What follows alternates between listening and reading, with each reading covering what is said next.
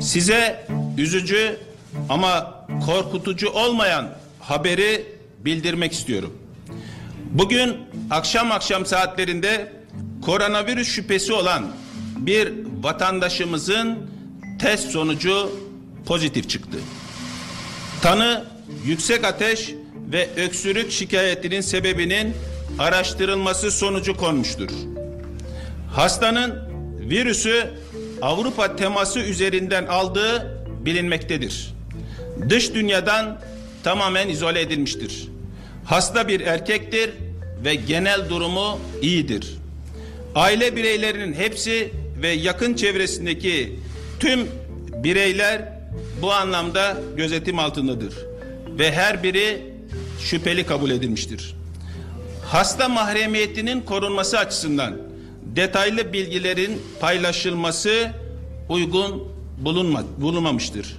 Bu ülkemizde görülen ilk vakadır. Verilere göre tanı erken konmuştur. Virüs bulaşmışsa bu çok sınırlıdır. Bizi Kısa Dalga Net ve podcast platformlarından dinleyebilirsiniz.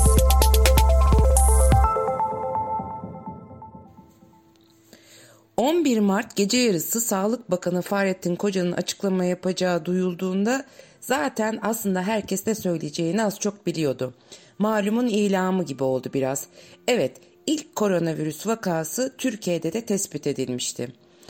Gerçi Aralık sonundan beri bütün dünyayı saran Covid-19'un Türkiye'de olmamasına zaten ülkede herkes şüpheyle yaklaşıyordu.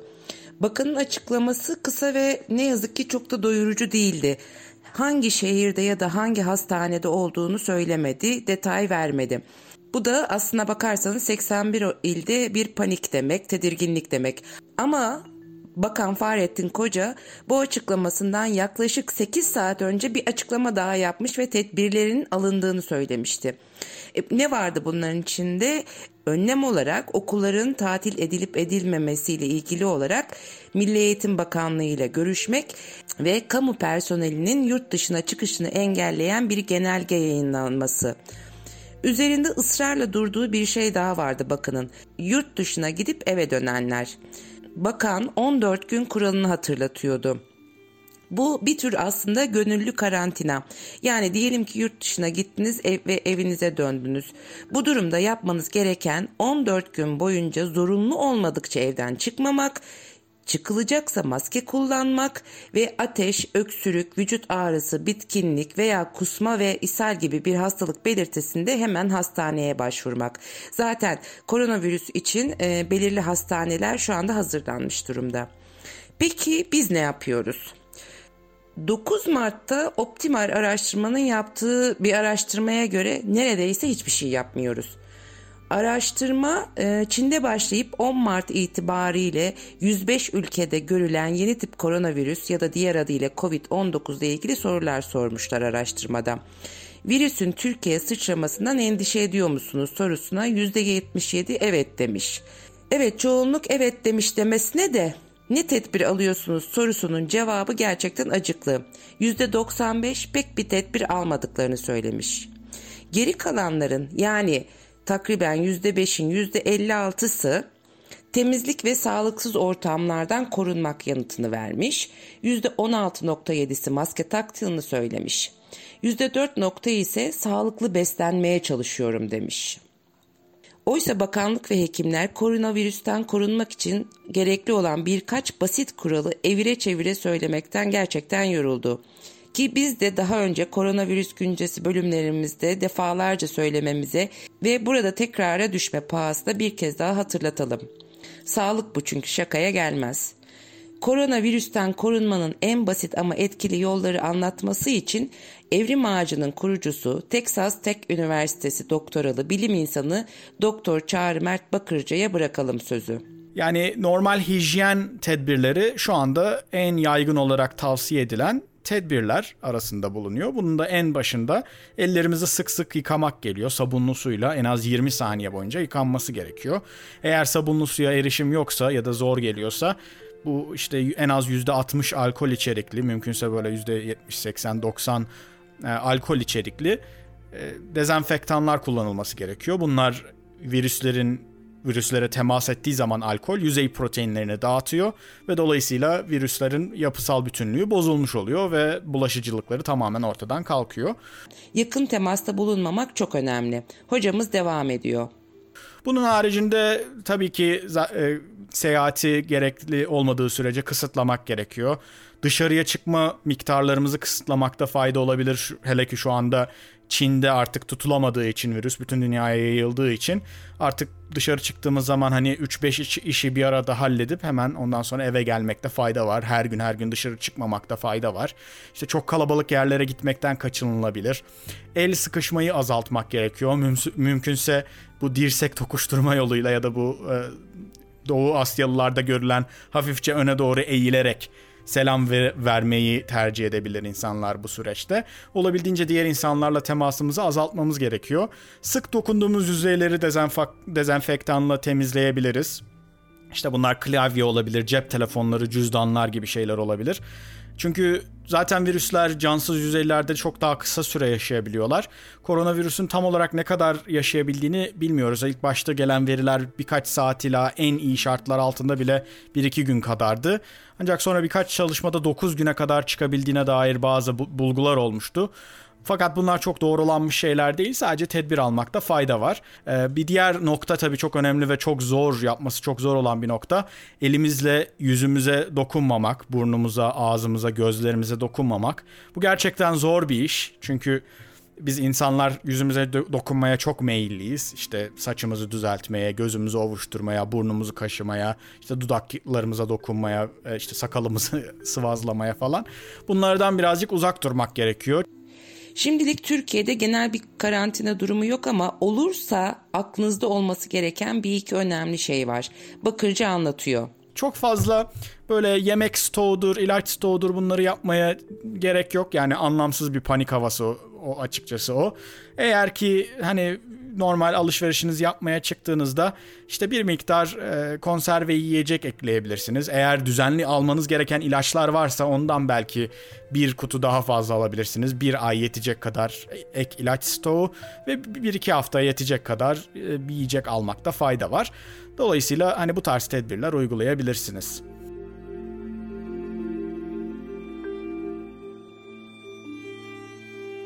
Evet son derece basit bunlar ama etkili yöntemler. Zaten Covid-19 için henüz bir aşı ya da ilaç geliştirilemediği için başkaca bir şey yapılmıyor ne yazık ki. Tabii ki aşı ve ilaç için harıl harıl çalışıyor bilim insanları ama epey zaman alacak gibi duruyor. Bu arada virüs ne yazık ki durmuyor hızla yayılıyor. Dünyadaki gelişmelere bakacağız ama tabii ki önce memleket satında bir dolanalım. Sağlık Bakanlığı gerekli önlemlerin alındığını üzerine basa basa söylüyor. Yurt dışından gelenler termal kameralarla kontrol ediyor. Tabii ki çok etkili bir yöntem değil. Çünkü virüsün kuluçka süresi takriben 14 gün. O yüzden hemen tespit edilmesi pek mümkün olamıyor. Öte yandan e, Sağlık Bakanlığı'na bağlı Halk Sağlığı Genel Müdürlüğü sıkça sorulan sorular diye bir bölüm hazırlamış çoktan. Orada virüsün ne olduğundan tutun da tanının nasıl konulduğuna, antibiyotik kullanımına, en fazla kimleri etkileyeceğine, toplu taşıma araçlarının ya da okulların nasıl temizlenmesi gerektiğine dair epey ayrıntılı bilgi var. Ayrıca hatırlatalım daha önceki podcastlerimizde uzmanlara bu soruları sormuş ve cevaplarını almıştık. Dönüp dinlemenizi tavsiye ederiz. Felaket tellallığı yapmıyoruz ama bakanın açıklamasından sonra NTV'ye konuşan Profesör Bülent Ertuğrul bazı şüpheli vakaların daha olduğunu ama henüz testlerin sonucunun çıkmadığını, vaka sayısının daha fazla olabileceğini söyledi. Elbette bu ciddi bir olasılık ama panik yapmanın veya komplo teorileri üretmenin ya da Türk usulü ya bize bir şey olmaz demenin insan sağlığına pek faydası olmuyor. Bunu Çağrı Mert Bakırcı hatırlatıyor. Bir bilim insanı olarak şöyle anlatıyor durumu paranoyaya kapılmamak gerekiyor. Komplo teorilerine aldanmamak gerekiyor. İşte Türkiye yalan mı söylüyor, Çin yalan mı söylüyor, İran yalan mı söylüyor falan. Bunlara çok fazla şey yapmamak gerekiyor. İşte bu bu virüs e, biyolojik bir silah mıdır falan gibi hayal gücünü tetikleyen şeylere çok aldanmamak gerekiyor. bu tarihimizde ilk olan virüs değil, son virüs de olmayacak. Bunun altının çok iyi çizilmesi gerekiyor. Grip dediğimiz virüs 1580'lerde resmi kayıtlara, tarihi kayıtlara göre e, bulabildiğimiz ilk izlerini 1580'lerde buluyoruz. Roma'da 6000 kişiyi öldüren, dünya çapında on binlerce insanın öldür insanı öldürdüğü tahmin edilen bir virüs. Hani bu da bir noktada hayatımıza girdi ve o zaman tabii ki laboratuvarlarda üretilmemişti. E, o zaman virüs diye bir şeyin var olduğu bile bilinmiyordu öyle düşünün. Ee, HIV mesela AIDS'e neden olan HIV 1920'lerde hayatımıza girmiş bir virüs. Keza yine bir yapılmış virüs değil gayet doğal maymunlarda evrimleşip insana sıçramış olan bir virüs ki evrim zaten bu, bununla ilgili bir durum.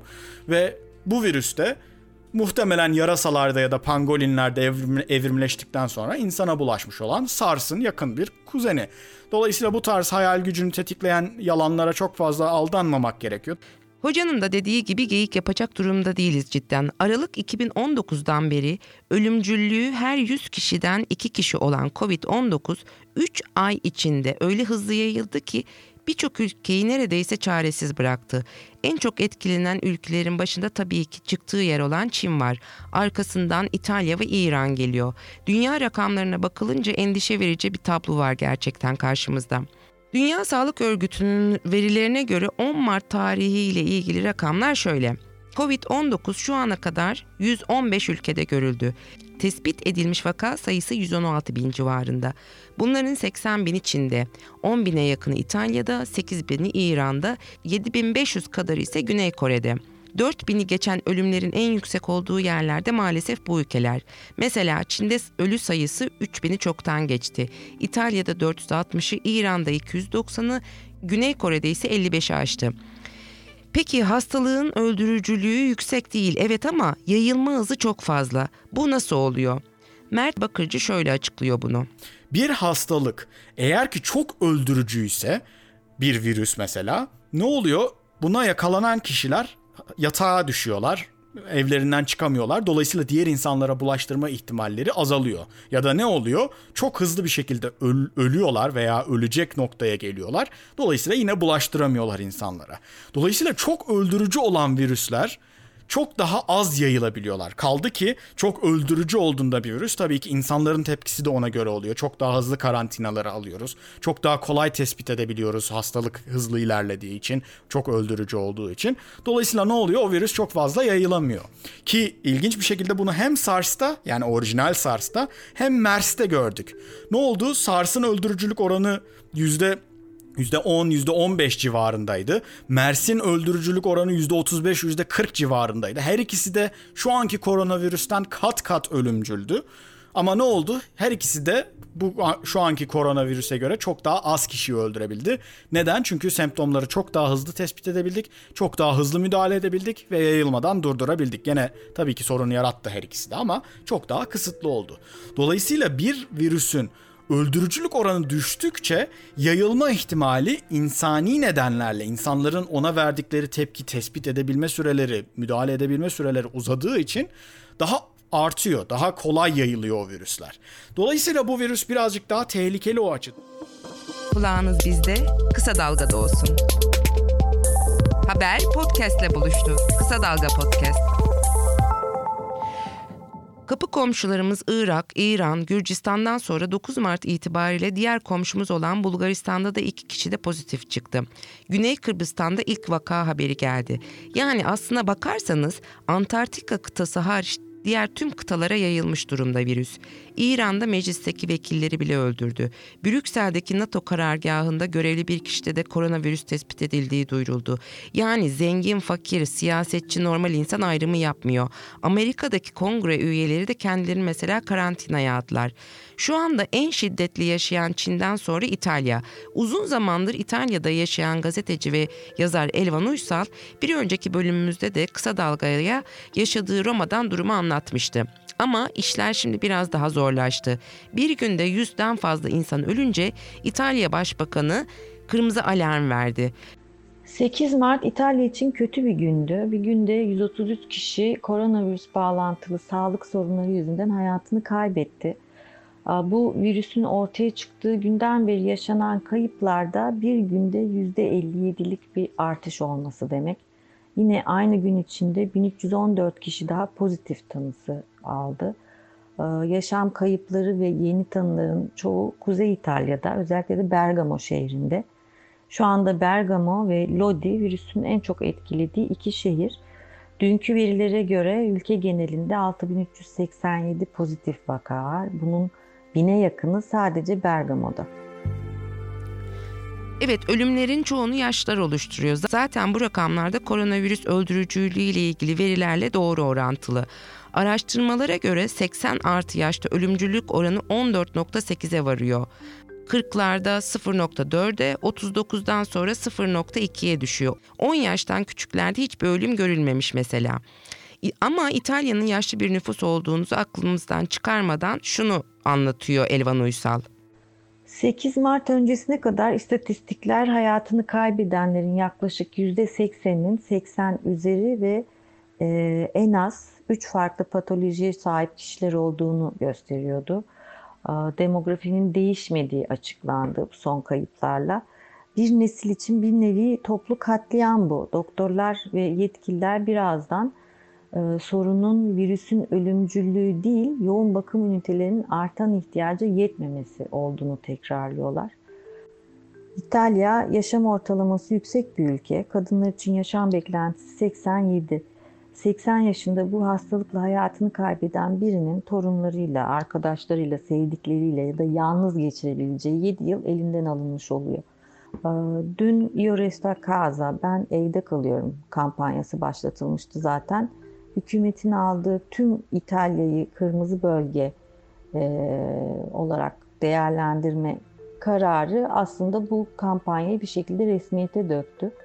Bir süre mecbur kalmadıkça evden çıkmayacağız. Dükkanlar kapanıyor, ülke kepenk kapattı demek değil. Dükkanlar açık olacak, restoran ve barlar saat 6'dan sonra kapanacaklar. Hizmet saatleri içinde kişiler arası 1 metre mesafe kuralına uyulacak.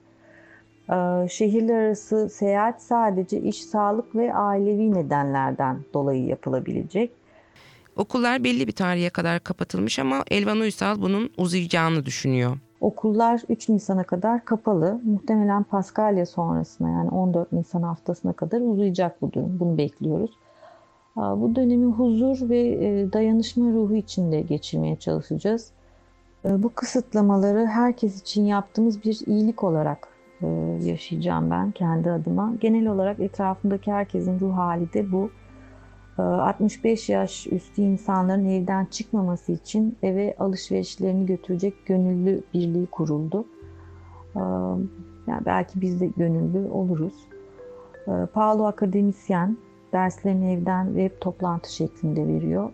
Tüm bu kötü haberler arasında iyi haberlere de rastlanıyormuş neyse ki. İlk hastanın iyileşmesi gibi ya da ülkedeki ciddi dayanışma gibi. Elvan Uysal anlatsın. İlk koronavirüs teşhisi koyulan Kodonya kasabasından 38 yaşında bir maratoncu Mattia, 8 aylık hamile karısı da pozitifti. Birkaç gün önce o da eve döndü. Bebek de normal gelişimi seyrediyormuş. Atiye maraton koştuğu sırada virüs vücudunda olduğu için maraton sonrası düşen dirençle çok ağır durumdaydı. Yoğun bakımdan çıkması tüm ülke için sevindirici bir haber oldu. Ee, üç tane pozitif yeni doğmuş bebek var.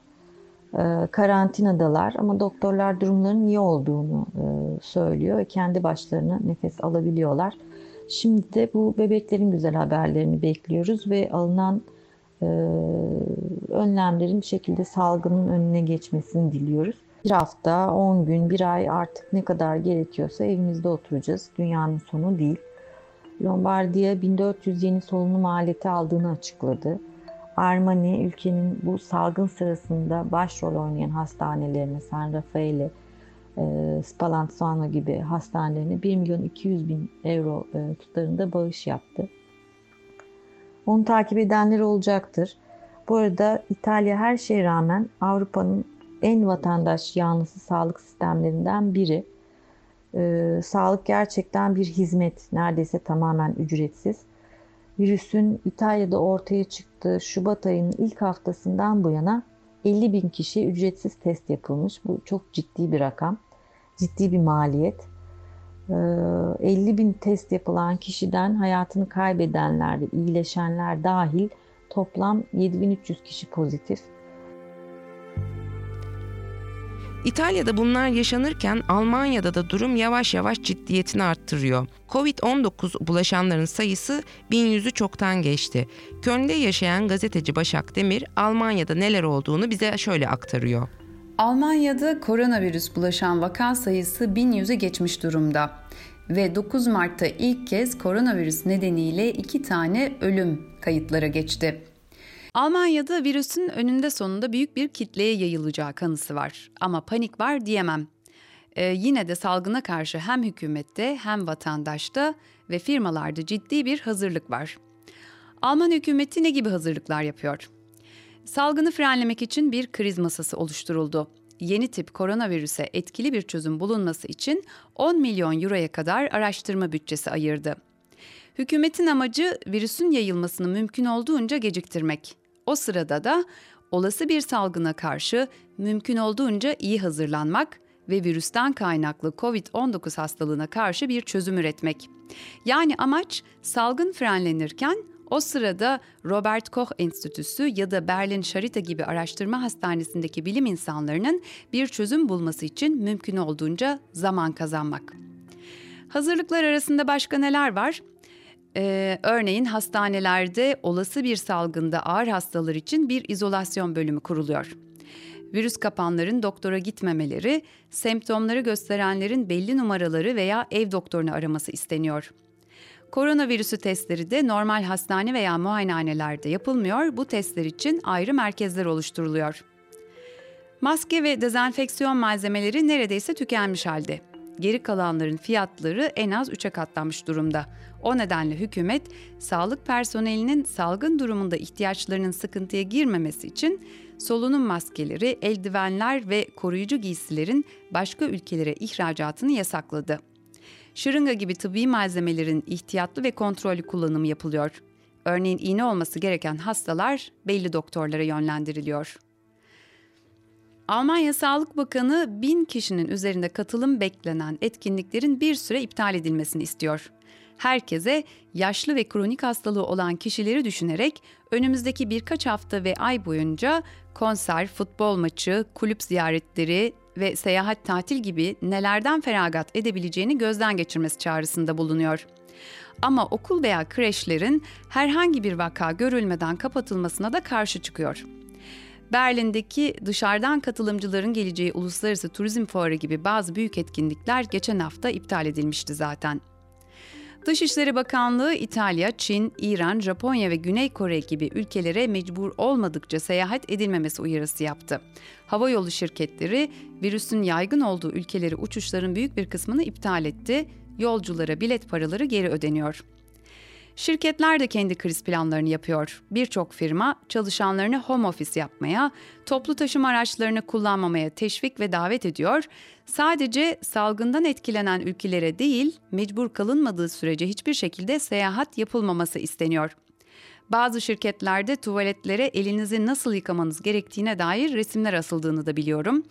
Örneğin baş parmak ve avucun ortası unutuluyormuş sık sık. Peki normal vatandaş ne yapıyor? Tanıdığım birçok kişi paniğe kapılmamaya çalışıyor ama olası bir karantina durumuna da hazırlıklı olmaya çalışıyor. Birçok kişi 2-3 hafta karantinada kalma ihtimaline karşı alışverişini yapmış durumda. Biz de yaptık. Çocukları okula kreşe gönderiyoruz ama mecbur olmadığımız keyfi kalabalıklardan kaçınıyoruz. Toplu taşıma araçlarına binmemeye çalışıyoruz ve sürekli el yıkıyoruz. Kıta Avrupa'da genel olarak durum ciddi. Şimdi Amerika'ya gidelim. New Jersey'de yaşayan Ebru Şimşek, Amerika'da fazla bir panik yaşanmadığını ama Amerikalıların genel davranış biçimi olarak olası bir karantina durumu için stok yapmaya başladığını anlatıyor. Söz Ebru Şimşek'te. 9 Mart pazartesi akşamı itibariyle Amerika'da toplam 650 teyit edilmiş vaka var. Ee, vaka sayısının en çok olduğu eyalet daha önce Washington e, eyaletiydi. Ama yine pazartesi akşamı itibariyle e, New York'ta daha çok e, vaka tespit edildi. 142 e, kişi de var şu anda New York eyaletinde. New York şehrinde ise 19 kişide virüs teşhis, edilmiş durumda. E, virüsün en çok görüldüğü eyaletler New York, Washington ve Kaliforniya. E, New Jersey'de de e, pazartesi akşam itibariyle 11 e, kişiye koronavirüsü teşhisi kondu. Rakamlar sürekli değişiyor. Yarın büyük ihtimalle bu rakamlar e, değişecek. Ülke genelinde 26 kişi hayatını kaybetti. Evden çalışabilecek insanlar evden çalışmaya başladılar. Daha biraz önce okuduğum habere göre Amazon New Jersey ve New York'taki çalışanlarının e, evden çalışmalarını tavsiye etmiş. E, bazı eyaletlerde kapanan kamu okulları var. Pazartesi ve salı günleri için bazı üniversiteler kapatıldı. Bu hafta itibariyle online derse geçenler var. Mart ortası üniversitelerde bahar tatili var. E, tatil dönüşü çoğu üniversite online derslere geçmeyi planlamış durumda. İlkokul, ortaokul, lise seviyesinde henüz pek kapama kararı verilmedi e, bazı okullar hariç. E, ama bu durum hızla değişebilir. Tabii Amerika'nın, daha doğrusu Trump'ın sağlık sistemi koronavirüs nedeniyle tekrar tartışılmaya başlandı. Çünkü koronavirüs testi ciddi bir rakam, 3500 dolar civarında ve sigortası olmayan ya da yoksullar ne yapacak diye soruyor halk haklı olarak. 4 ee, Mayıs'a kadar bedava test e, yapacaksınız e, şartını getirmiş. Belli başlı bazı sağlık sigortaları ülke genelinde test için para almayacaklarını açıkladılar. Bir hafta önceye kadar sadece birkaç laboratuvarda ve e, hastalıkları kontrol ve önleme merkezinde test yapılabiliyordu. Şimdi özel birkaç laboratuvar daha test yapabilecek ama bu özel laboratuvarlarda yapılan testler ücretli. Kızım ilkokula gidiyor. Okulunda henüz bir kapı kapanma durumu söz konusu değil ama okul e, olursa eğer e, neler yapabiliriz diye düşünüyor ve e, eğer okulu kapatmak zorunda kalırlarsa telekomünikasyonla e, eğitim yapmayı e, planlıyorlar. Normalde de dışarıdan gelir gelmez ellerini yıkayan bir insanım. Kızıma da aynı şeyi yaptırıyorum. Şimdi belki biraz daha fazla ve daha uzun süreli yıkıyoruz. Öksürdüğü zaman kolunun iç tarafına doğru öksürmesini, elleriyle yüzüne, gözüne, burnuna, ağzına dokunmamasını öğütlüyorum. Ve birçok insanın merak ettiği soru şu. Diyelim ki hastalandık. E aşı yok. E ilaç da yok. Hastaneye gitsek bile bize orada ne yapılabilir? Çaresiz bekleyecek miyiz? Yok durum o kadar da kıyamet senaryosu değil. Mert Bakırcı açıklasın. İlaç konusunda ise Remdesivir isimli ilaç belki insanlar e, televizyon falan izliyorlarsa oralarda da bahsedilmiş olabilir. Remdesivir zaten Ebola virüs için geliştirilen bir ilaçtı. Henüz halen test aşamasındaydı ama böyle bir salgın çıkınca buna da test etmeye karar verdiler ve olumlu sonuçlar aldığı görüldü hayvanlar üzerinde. Daha sonra Çin acil bir durum olduğu için bunu hızlıca klinik deneye dönüştürüp insanlar üzerinde denemeye başladı Şubat'ta. Ee, Nisan'da bitecek aslında araştırma ve tam sonuçlarını Nisan'ın sonuna doğru alacağız. Ama tabii çok acil bir durum olduğu için ve dediğim gibi hemen böyle ileri düzey vakalara direkt uygulanıyor. Çünkü hani zaten ölecek o insanlar gibi gözüküyor. Dolayısıyla bir verelim bu e, deneysel de olsa bu tedaviyi test edelim deniyor ve bunu yaptıkları zamanda tabii belli sonuçlar alıyorlar. Bunları da zamanla duyuracaklardır. Nisan'dan çok önce olacaktır diye ümit ediyorum. Şu anda resmi bir ilacı yok. Dolayısıyla yapılan şey şu anda bir hastaneye gidecek olsanız semptomatik tedavi denen bir durum. Semptomları tedavi ediyorlar. İşte atıyorum ateşiniz varsa ateşinizi düşürmeye çalışıyorlar. İşte öksürüyorsanız ona yardımcı olabilecek ilaçları vererek sizin savunma sisteminizi e, pekiştirmeye çalışıyorlar, desteklemeye çalışıyorlar. Şu anda o tarz bir tedavi üzerinde e, duruluyor çünkü yapılabilecek başka bir şey yok. Açıkçası bu grip için de böyledir mesela. Yani lütfen tedbirinizi alın sakin ve rica ediyoruz sağlıklı kalın. Haber podcastle buluştu. Kısa Dalga yayında. Bizi Kısa Dalga Net ve podcast platformlarından dinleyebilirsiniz.